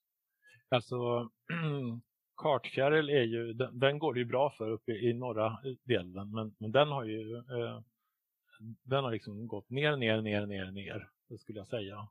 Eh, eh, så den är ju in, inte så bra för den. Kanske liksom, om man lite tur så blir det ändå sämre för parasitoiden. Då kanske det kan börja gå bra för den andra. Men, men eh, så här långt så har den bara gått ner. Eh, så den, den var ju en av Skånes vanligaste fjärilar när vi satte igång och det är, är den inte så att man tycker nu. Eller en, en, kanske inte vanligast men en av de som man träffade på väldigt mycket när man var ute och den, så är den inte längre och den, den spred sig mycket men sen så har det liksom gått i putten. Så den, den har ju absolut problem. Um, den är ju samtidigt en av de eh, som använder sig av en kvävegynnad värdväxt för den har ju också brännässla så man tycker att den, den, borde ha det väl förspänt. Egentligen. Ja, men, men tyvärr så, så, tror jag att den har en parasitstekel som har hunnit ikapp den så att, ja. Det, det, där är inte bra. Och det, det är faktiskt eh, eh, också ett gäng i, i, Stockholm som har tittat vidare på det där eh, och sett att det verkar vara så att det är en parasitstekel som, som hinner ikapp där. Så att, eh, men men når, vi inte en, når vi inte en naturlig balans då? För det naturliga är ju inte att fjärilar får härja fritt utan att de balanseras upp av olika Eh, parasiterande steklar och flugor och annat. Eh, så... Jo men precis. Och, och, där, där, kan man ju, kan, där kan man ju hamna så att man hamnar här med vågor som, som, som eh, invasionsvågor som kvickgräsfjärilen till exempel. Att eh, de dör ut och sen så kommer de igen fast de har inte dött, dött ut över hela området. Så så kan det ju vara. Eh, och sen, eh, sen också eh, beroende på vad det är för arter så, så kan det ju vara eh, väldigt komplext med parasitoider. Nu, nu pratar jag om att eh, som om det bara vore en parasitoid på, på eh, kartfjäril. Det är förmodligen ett, ett gäng. Jag vet att jag har en sån favoritstudie från det Serbien möjligtvis eh, som, som tittar på eh, parasitsteklar på eh, sexfläckig bastardsvärmare. Eh, och då, då hade de liksom tittat på det parasitstekelsamhället. Jag tror de hade hittat eh, fem stycken parasitsteklar som gick på, direkt på larven av sexfläckig bastardsvärmare. Eh, på en av dem så hade de hittat tre stycken sekundära parasitsteklar som gick på den parasitsteken. Mm på en av de sekundära parasitsteklarna hade de hittat en tertiär parasitstek som gick på parasitsteken som gick på parasitsteken som gick på larven. Så, att, så det, det, och det är ju rätt fräckt. Ett sådant system blir också mer stabilt då för att eh, de balanserar upp varandra. Så det är ju inte så lätt att det blir stora svängningar. Så att, eh, eh, ja, det, men, men eh, jag tror ju att i långa loppet, precis som du säger, så, så kan nog, jag tror att kartfjärilen kan nog vända det där, men just nu så, den, så går den ner för. Ehm, sen andra arter som, Eh, som jag är bekymrad för, i alla fall i södra Sverige, eh, skulle jag säga starrgräsfjäril. Det är en sån där art som Eh, pratar med folk så säger de att eh, ja, men den finns på mossar överallt. Eh, och det är möjligt, men det är, det är inte så många som inventerar på mossar överallt. Men Förr i världen fanns den i jordbrukslandskapet också. Jag har själv sett den i norra Skåne och i Halland där den är i, ute i jordbruksbygd, lite så, småbruten jordbruksbygd. Och den har absolut problem, det skulle jag säga. Eh, I, I de miljöerna i alla fall. Sen kanske den finns i, i de andra också. Men eh, tittar man just i de miljöerna så är det absolut problematiskt. Eh, så den eh, tycker jag inte har det så lätt. Eh, och sen, sen har vi för, för dålig täckning för att kunna säga någonting bra om guldvivfjäril. Men den skulle jag säga är en sån där som är väldigt illa ute om vi inte gör eh, lite riktade saker mot den. Och det kommer nog inte hända förrän den liksom hamnar på en sån officiell lista så att, eh, så att man eh, måste göra saker. Och då är det risk för att det redan är för sent. Men, men den, eh, de markerna med mycket guldviva så de, de tar väl stryk. Eh, nu, nu, är jag inte, jag är inte, inte, inte säker på det, men, men eh, jag har för mig att eh, marken med mycket guldviva, de, att de växer över med, med bredbladig gräs och, och, annat som, som blir kvävgynnat och att det, det blir svårare att ha sådana. Eller, att hävden inte, för den delen inte är så bra. Gullfjärden fanns ju till exempel i Skåne förut och den fanns ju eh, delar av Småland. Nu är det väl Eh, Öland och eh, Östergötland som, som är bäst för, för att se den. Men den är ju den skulle jag vara rejält bekymrad för faktiskt. Så att, eh, det får man ju se hur det går för den. Sen, sen är det en del andra arter som, som Violett guldvinge som, som det har varit väldigt krisigt för. De tog ju jättemycket stryk. Det var många fjärilar som tog jättemycket stryk eh, kalla sommaren 1987. Och eh, den försvann från stora delar av utbredningsområdet. Men nu känns det som att den dyker upp lite varstans. Eh, så den, den kan sprida sig ganska bra till närliggande habitat och eh, det, det, den hittas på många ställen i, i eh, Jämtland där den har sån kärnområde och den hittas i, i ganska många andra län också. Den verkar väl sprida sig där och hålla, hålla till i vägkanter och så. Så det finns nog potential för den. Men den har ju varit, den kraschar ganska brutalt. Um, men, men är väl på väg tillbaka. Annars, eh, vad som det går dåligt för, det är väl det, det, som, det är ju det att eh, fjärilarna trivs med vad vi erbjuder dem så, så är det en sån miljö som är, är det fjärilar som trivs i ett eh, småbrutet jordbrukslandskap som det såg ut på 50-talet eller för den delen kanske på 90-talet när det fortfarande fanns mycket eh, mjölkgårdar med, med allt vad det innebär. Eh, om, om, det, om, om vi erbjuder sådana habitat så kommer fjärilar som trivs i de markerna att trivas. Men, men ändrar vi det så, och börjar ha andra saker så kommer vi gynna andra arter. Om vi börjar odla majs storskaligt så kommer vi få majsmått. Det, det, har vi redan fått och det är inte så kul om man odlar majs. Men, men liksom de, de, de drar ju nytta av vad vi erbjuder så ändrar vi habitaten jättemycket så, så spelar det roll. Om eh, Vägverket skulle börja, börja se, så ut eh, getväppling storskaligt så skulle vi eh, förmodligen snart inte ha eh, mindre blåvinge rödlistad. Så, så det är liksom vad, vad, vi erbjuder spelar jättestor roll. För 20 år sedan hade vi inte alls den här mängden med hösilage-bollar som finns överallt nu. Eh, så, att, så att vallskörden har ändrats jättemycket också. Eh, och, det finns det säkert fjärilar som inte trivs av och det kommer säkert finnas andra djur som, som trivs bra med det. Eh, men, men, det är liksom, de är ju, ändrar vi markhållningen storskaligt så, så spelar det ju roll. Och, andra saker som en doktorand eh, i, i Lund som heter Daphne Ram som har tittat på fjärilar på, på kalhyggen. Och det är också ganska spännande. Det är ju rätt kontroversiellt för man vill inte gå ut och säga att oh, kalhyggen, hurra. Men, men det är onekligen så att eh, kalhyggen har ju ändrats i, i hur ofta de eh, uppkommer och eh, de blir ju sådana tillfälliga öppna marker. Och det, det märker man ju till exempel att de har koloniserats av ortolansparvar som eh, när jag började skada fågel på 80-talet så skulle man åka till eh, trakterna kring Siljan eller man skulle åka till trakterna kring Kvispan i Närke för att se ortolansparv. Men nu har vi liksom starka eh, populationer på kalhyggen istället. Eh, och, och, lite så är det med, eh, med fjärilar också har det visat sig. Eh, Daphne har tittat på det där och, och, det finns ju ganska många fjärilar som, som faktiskt eh, lyckas nå hyggen och, och finnas där. Eh, och ökar frekvensen med hur ofta man hugger så, så blir det en större del av, av hygget som, som då är en öppen mark. Och, eh, det, det, är ju skitjobbigt för de fjärilar och andra djur som, som vill leva i en, i eh, en gammelskog. Eh, så att eh, de kommer det aldrig bli bra, bra för i en sån här eh, den typ av, av eh, brukad skog som, som det andra innebär.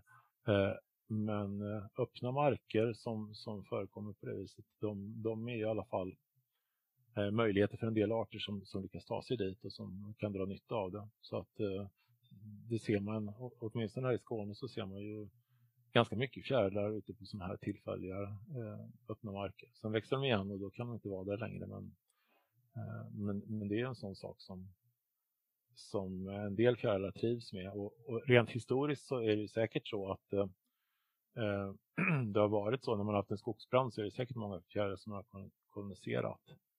Eh, och det, det, kan jag ju säga i förbifarten att det är ju en, en väldigt kul sak som, som hände i området av, i Västmanland med den stora skogsbranden. För där finns det ganska många fjärilsövervakare och eh, en, en, del hade ju lokaler som brann upp helt och hållet där, eller brann upp till hälften. Så att eh, deras inventeringsområde eh, blev ju delvis helt förstört av skogsbranden.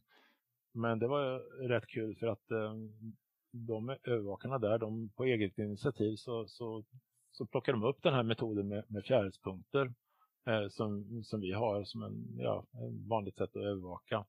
Och sen så pytsar de ut fjärilspunkter i hela eh, skogsbrandsområdet. Så jag tror de har 30-35 punkter där som de har spritt ut i hela skogsbranden. Och så har de använt det för att följa för hur fjärilarna kommer tillbaka i skogsbrandsområdet och hur det mm. är just sådana kvävegynnade arter tidigt när, som kan dra nytta av, av uh, kvävegynnade växter. Uh, och att, att, man ser hur, hur det liksom kommer in fjärilar i skogsbrandsområdet. Och det är ju det är skitkul på flera vis. Det är dels det kul att se hur arter utnyttjar en, ett brandfält. Men sen är det också kul att eh, eh, det, det, blir liksom, där kan man verkligen börja prata om, om citizen science för där är det ju där man lyfter från att det sitter någon nere i Lund och tänker att det är kul om ni inventerar fjärilar till att de tar, det, tar upp det själva och gör forskning som de själva tänker ut med, fast med, med metoderna som liksom grundbult i det hela. Så, så det, det tycker jag är jättekul när eh, en metod som man har tagit fram och som alla möjliga använder eh, kan inspirera andra att göra något helt annat på ett helt eh, oväntat ställe. Så det, det tycker jag är en Ja, det, det, är bland det roligaste som har hänt faktiskt. När shit, nu plötsligt så tänkte de ut ett e-, eget forskningsprojekt där och dokumenterar hur, hur eh, fjärilarna kommer tillbaka i en, i en, av våra största skogsbränder någonsin. Det, det tyckte jag var otroligt skoj. Det kan man läsa om i, i, en, en av våra fjärilsrapporter också. Det, och det kommer ju vara, fortsätta vara intressant att följa under lång tid framåt när eh, naturen fortsätter ändra sig i brandfältet. Ja, ja. Alltså det, det är ju ja, klockrent. Eh, jag tänkte, vad säger du, för jag har ju sett, du har en ganska diger publikationslista av eh, artiklar som du och eh, dina medförfattare då har eh, eh, Eh, gett ut. Vad skulle du säga om du tittar bredare på din egen forskning? För du har ju varit med i mer saker än sånt som enbart är knutet till dagfjärilsövervakning. Eh, vad, vad, eh, vad, ty, vad håller du högst bland dina vetenskapliga fynd om vi formulerar det så? Ja, eh, jag undrar om inte jag tycker det är roligast nästan eh, det som jag var med på en bit av med eh, kollegor i Storbritannien med gammafly. Det tyckte jag var jäkligt kul faktiskt. För gammafly är ju precis som, som eh, eh tistelfjärilen som migrerande art. Så de, de, flyttar hit. De klarar inte av att vara i Medelhavet på, på sommaren för då är det för varmt där och de klarar inte av att vara här på vintern för då fryser de ihjäl. Så de flyttar upp hit från Medelhavet varje vår, lägger ägg eh, och blir jättemånga fler och dör själva men avkomman flyttar söderut. Och Eh, hade man suttit och pratat om det här för 30 år sedan, då var den eh, förklaringsmodellen var att eh, de flög upp hit och dog allihopa för det var så bra klimat här uppe så att de, det var liksom råttfångaren i haven, hypotesen kallar de det för, att eh, Norden lockade hit dem och sen så visste man att de inte klarade vintern så de flög upp hit och dog allihopa. Och det känns ju ganska, inte så adaptivt precis att, eh, att det skulle flyga upp miljoner fjärilar hit och dö bara. Det är ganska dumt kan man tycka. Så att eh, det som eh, Jason Chapman och kollegor till honom i Storbritannien tog fram var en marinradar som tittar rakt uppåt istället för att titta på båtar så tittar den rakt uppåt och i den radarn så kan de se hur migrerande nattfjärilar och andra flyger. Så de kunde se att, eh, eh att det var en stridström av fjärilar eh, och då visade det sig att det var några som stämde bäst överens med eh, gamla fjärilar, eller gamla flyn eh, som, som flyttade norrut på våren. Och de, de blåste inte bara uppåt utan de, eh, de eh, korrigerade kursen så att, så att de kom snabbt norrut. och som en liten sidospår där så kan jag säga att Cecilia Nilsson från Lund har tittat på det där eh, Eh, och kunnat visa att eh, gammaflyn då väljer flyghöjd på ett sådant vis att de hittar bra vindar och genom att göra så, så kan de flytta lika snabbt norrut som en lövsångare som flaxar aktivt gör. Eh, så att det, det som den här studien som jag var med på då, eh, gjorde sammantaget var att eh, eh visa hur sådana flyttningsmönster kan gå till och också räkna på om, om de gick plus eller minus på att flytta upp hit. Så att det gick att visa att de, de flyttar norrut och de vind, eh, vindkompenseras när de kommer hit. Om man räknar på hur pass många som är här så, så flyttar det ut på hösten eh, ungefär sex gånger så många som det kommer hit. Så det lönar sig jättemycket att komma hit. Eh, så det är inte alls så att de bara kommer hit och dör utan de kommer hit och det blir en massa mer gammalfly när de flyttar söderut. Så det, det, tycker jag är en sån, att knyta ihop det här med att, eh, att de faktiskt har sådana flyttningssystem. De flyttar från Medelhavet upp hit, eh, lägger ägg och sen nästa generation flyttar söderut. Och det är jättestora rörelser. Det tycker jag är en väldigt spännande sak och det knyter liksom ihop eh, det här vad som händer på natten med, med eh, Uh, ja, nattflygen är inte så himla dumma. det, det, är liksom, uh, det, det, uh, det ger helt nya perspektiv på hur de gör. och att, att de liksom de, de funkar i sitt sammanhang på ett helt annat vis än att bara komma in i, i, i ens badrum på sommaren och vara en irriterande grej som man måste skapa en Facebookgrupp för. Utan, utan de, de, gör något helt annat. Eller för den delen, liksom, eh, det var ju gammalfrun som satt på Ronaldos näsa på finalen. Eh, när, han, när han grät så, så hade ju Stade de France i Paris eh, hade ju haft alla, alla lampor på. Eh, och dragit ner en massa migrerande gammalflyg som satt sig på gräsmattan. Eh, och sen så skulle de flytta men istället så var det fortfarande lampor. Eh, så då flög de runt där och satte sig på Ronaldo och annat. Eh, så, så, det är liksom eh, Ja, nej, men den, den, det, det är faktiskt eh, migrerande insekter. Det är en ganska cool grej att liksom se vad de gör på natten. Att, eh, ehm, just förstå att eh, de, de har någonting. De, de, bara inte sätter sig på en lampa och ser dumma ut utan de, de gör saker i landskapet. En mm. annan, kollega, Thomas Marx, som också var med på den här eh, Evolution i städer, pappret. Eh, han har gjort sådana här fångst återfångstgrejer med, med eh, eh ungefär som man gör med smågnagare fast han har gjort det med eh, nattfjärilsfällor eh, där han tittat på hur, hur eh, nattfjärilar rör sig i jordbrukslandskapet. Han har ju kunnat visa då att eh, det är inte så att de bara sitter vid en, eh, ett träd och så flyger de fram till en fälla och så shit, nu är jag fångad. Eh, och sen, sen är det inte mycket mer med det. Utan han har ju fångat, märkt och släppt ut och kunnat visa det här rutnätet av, av fällor att eh, först kanske den hittas här, sen två, tre nätter senare så hittas den 250 meter bort i en annan fälla. Sen ett par nätter senare någon helt annanstans i området och sen hittas den, den första den var i. Så de har liksom ett hemområde som de flyger runt och födosöker i. Det är inte bara så att de eh, flyger runt och väntar på att bli uppätna av en fladdermus utan de liksom pysslar med saker och ting. Eh, skördar och, och det är någonting som jag väntar mig i, i kanske närmsta åren att eh, man kommer att få upp ögonen för att de kommer att kunna vara jätteviktiga som pollinatörer till exempel. Eh, nattflyn tror jag är skitviktiga som det. Eh, men det, det är liksom det, det är eh, fortfarande kvar att, att jobba vidare på det och se vilka pollen som sitter på dem och så här. Men det är mycket som tyder på att de faktiskt gör ett himla jobb där. Så att, eh, skulle jag säga någonting så flyttande, eh, flyttande ja. gammalfrun, det tycker jag är roligast hittills. jag tycker jag har, nu har jag inte bedrivit någon forskning, men jag, jag tycker att när jag berättar för andra eh, om mitt intresse så ju, just det här med migrerande fjärilar är ju en sak som folk hajar till på när man berättar att eh, tistelfjäril kan flyga från Sverige till Afrika. Liksom. Ja, ja, ja. Eh, det, det, övergår mångas förstånd för att man ser något litet eh, bräckligt eh, skört som flyger runt vid blommor. Liksom. Eh, jag, jag, tycker också det är bland de häftigare fynden alla de här kring insektsmigration som har kommit på, på senaste tiden.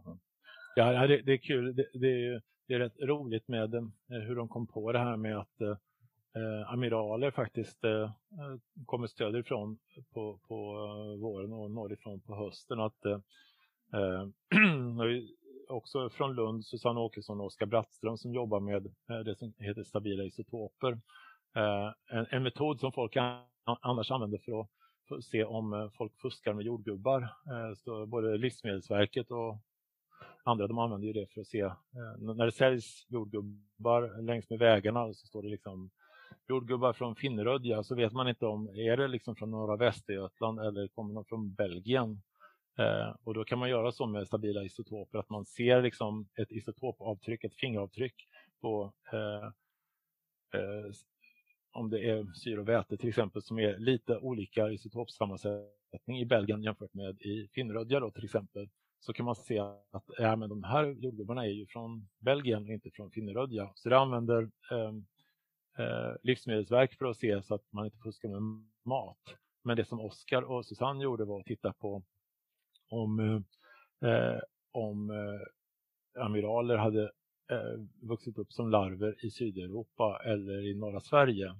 Och på våren så, så var de från södra Europa men på, på hösten så kom de från, från eh, norra Sverige eller från, från Sverige, inte alls från Sydeuropa.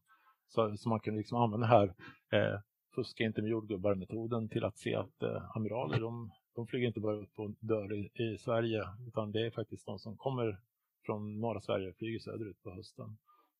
Så att, eh, det, det, är ju det blir jättefräckt faktiskt, sådana grejer. Ja, om, om, eh, om vi eh, avrundar med att blicka framåt. Eh, vad eh, ser du i framtiden, dels för Svensk dagfjärilsövervakning som projekt? Eh, kommer du stanna i projektet och och eh, vilken riktning hoppas ni kunna utveckla det i? Och sen din egen forskning som ju är bredare än så. Har du någon fråga du hoppas på att kunna ge dig i kast med i framtiden? Ja, vad det gäller fjärilsövervakningen så, så hoppas jag ju att eh, vi ska göra det lättare för, för folk att rapportera eh, och att vi ska kunna snabba på eh, och, och liksom skräddarsy rapportering tillbaka till övervakarna på ett bättre vis. Eh, för det finns många sätt att göra det nu, att man liksom kan eh, eh generera eller skapa, skapa eh, skräddarsydda rapporter utifrån vilka intressen folk har eller vad de pysslar med. Men eh, det finns, finns redan nu en, en eh, väldigt bra eh, brittisk app för att rapportera fjärilar som heter Butterfly Count som, som håller på att utvecklas eh, eh, aktivt och förhoppningsvis så kommer den även kunna användas för att rapportera eh, nattfjärilar och eh, förhoppningsvis även kunna hjälpa till att bestämma nattfjärilar. Så där kommer det hända saker, saker och ting jättesnabbt eh, närmsta tiden.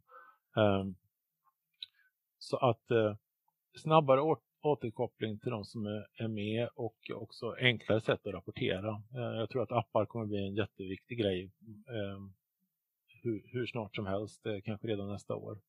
Ehm, vi har dem översatta så att eh, ska bara anpassa dem så att så att de funkar riktigt bra med vad vi har och också så att man kan ladda dem med ehm, Eh, om man går en viss slinga så att man, så man får upp sin egen slinga i, i appen. Eh, och det går också att skräddarsy det så att eh, går jag min slinga rökepipan så finns rökepipan i appen så att rapporterna går rakt in dit de ska. Så det, det tror jag är en viktig grej. Ehm, och sen annat som, som vi väl kommer att pyssla med att ehm, det är omsättning i, i, vilka som, som håller på. Folk flyttar och folk känner att det nu, nu har jag inte så bra Eh, ben längre så att nu vill, eh, vill jag ha en, sitta hemma och eh, kolla på en punkt istället för att gå en slinga i skogen för att mina ben pallar inte det längre eller att eller jag, jag har inte tid och ork längre eller nu vill jag spela trumpet eller någonting annat. Det är hela tiden en omsättning i vad folk håller på med. Så, så att man får liksom tänka det här som, som någonting som det är omsättning i vilka som håller på i det och, och så kommer det vara för att man har, man har olika intressen och så.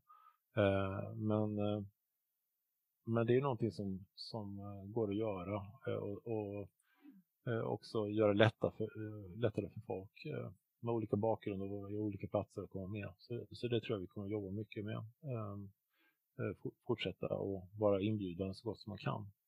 Ehm, och när det gäller och vad jag själv vill hålla på med så är jag väldigt nyfiken på det här med att hålla på kanske mer med, med lite mer nattfjärilar igen. Ehm, och, och, kanske det här med att se hur det funkar med polentörer. Vi har också uh, fällor för, för åtminstone delvis automatisk fjärilsövervakning, eh, nattfjärilsövervakning som vi kommer att testa. Så Danmark, eh, folk i Århus har tagit fram en sån eh, liten, liten apparat som, som filmar mot ett ljusbord och eh, följer de olika fjärilarna och som dessutom bestämmer dem. Och det kan jag tycka är, det kan jag tycka är irriterande. Jag har, jag har lagt liksom 30-40 år på att lära mig nattfjärilar och sen så kommer en jävla eh, neuralt nätverk och lär sig det på en kvart. Det är lite irriterande. men, men, men eh, that's life ungefär. Eh, och då får man ju bara eh, använda de där grejerna till roliga saker. Ehm, eh, men, men de apparna verkar ju funka. Eller eh, de, de apparaterna funkar ganska bra. Sen, sen tror jag att de kommer inte ersätta folk som, som är ute. Men, men det blir spännande att se hur sådana bildtolkning kommer att funka. Och spännande att se mera hur, hur, vilken roll som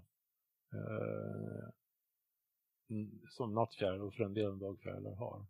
Och sen tycker jag att eh, eh, det är väl inte forskning, men, men som, en sak som jag tycker är spännande det är att fortsätta att liksom utforska eh, hur eh, fjärilsfaunan ser ut i, i Sverige som helhet. Att, att man eh, att stora delar av Sverige är inte alls någon, någon jordbruksbygd. Eh, så många av fjärilarna tänker man sig liksom knutna till eh, ängs och hagmarker men Åker man till Dalarna så finns det inte eh, jättestora andelar som är ängs och hagmarker. Och I Sverige som helhet så, Så jordbruksmark i Sverige och in, innefattande eh, ängar och så vidare.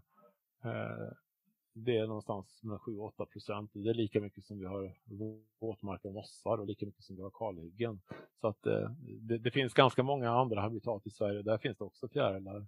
Så det, det, finns liksom jättemycket verkligen upptäcka Eh, och, och där är det ju kul för att eh, det har ju skapats en, en fjäril uppe i, i Piteå lappmark, eh, eh fjäril, föreningen Fjärilar i Piteå lappmark eh, som jobbar jättemycket med att, och se vilka fjärilar som finns där. Och, eh, där är det verkligen så att går man bara runt knuten så kan man hitta en, en arter som folk i resten av Europa bara skulle drömma om och, och hitta. De flyger där på mossa lite, var, lite varstans.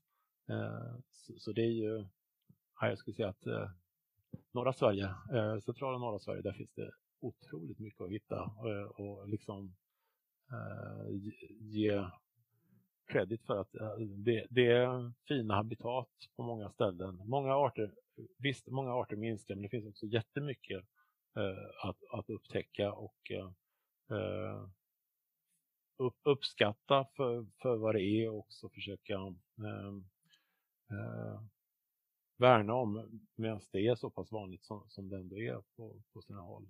Utan, eh, eh, vi har, vi har minskningar och vissa saker kan man åtgärda och, och liksom lyfta fram som till exempel då eh, gullvivfjärilen. Något annat eh, kanske går under radarn som hur mycket turkosblåvinge vi har. Är den jätteovanlig eller är det bara det att vi inte tittar på rätt marker. Så att, eh, där, där, det tycker jag ska bli spännande. Och det är väl en eh, bra uppmaning att avsluta med. Så är ni den minsta intresserade så är det klart ni ska gå med och rapportera in till Svensk dagfjärilsövervakning så det är bara in på hemsidan och eh, eh, ange vilken lokal eh, ni vill ha och så börjar ni rapportera nästa år. Jag ska börja med min trädgård nästa år eh, hade jag tänkt för nu börjar den bli lite intressant så eh, häng med på det. Och så säger jag stort tack till dig Lars för att du var med i podden. Ja, tack så mycket. Jättekul att vara med. Du har lyssnat på Eriks fjärilspodd.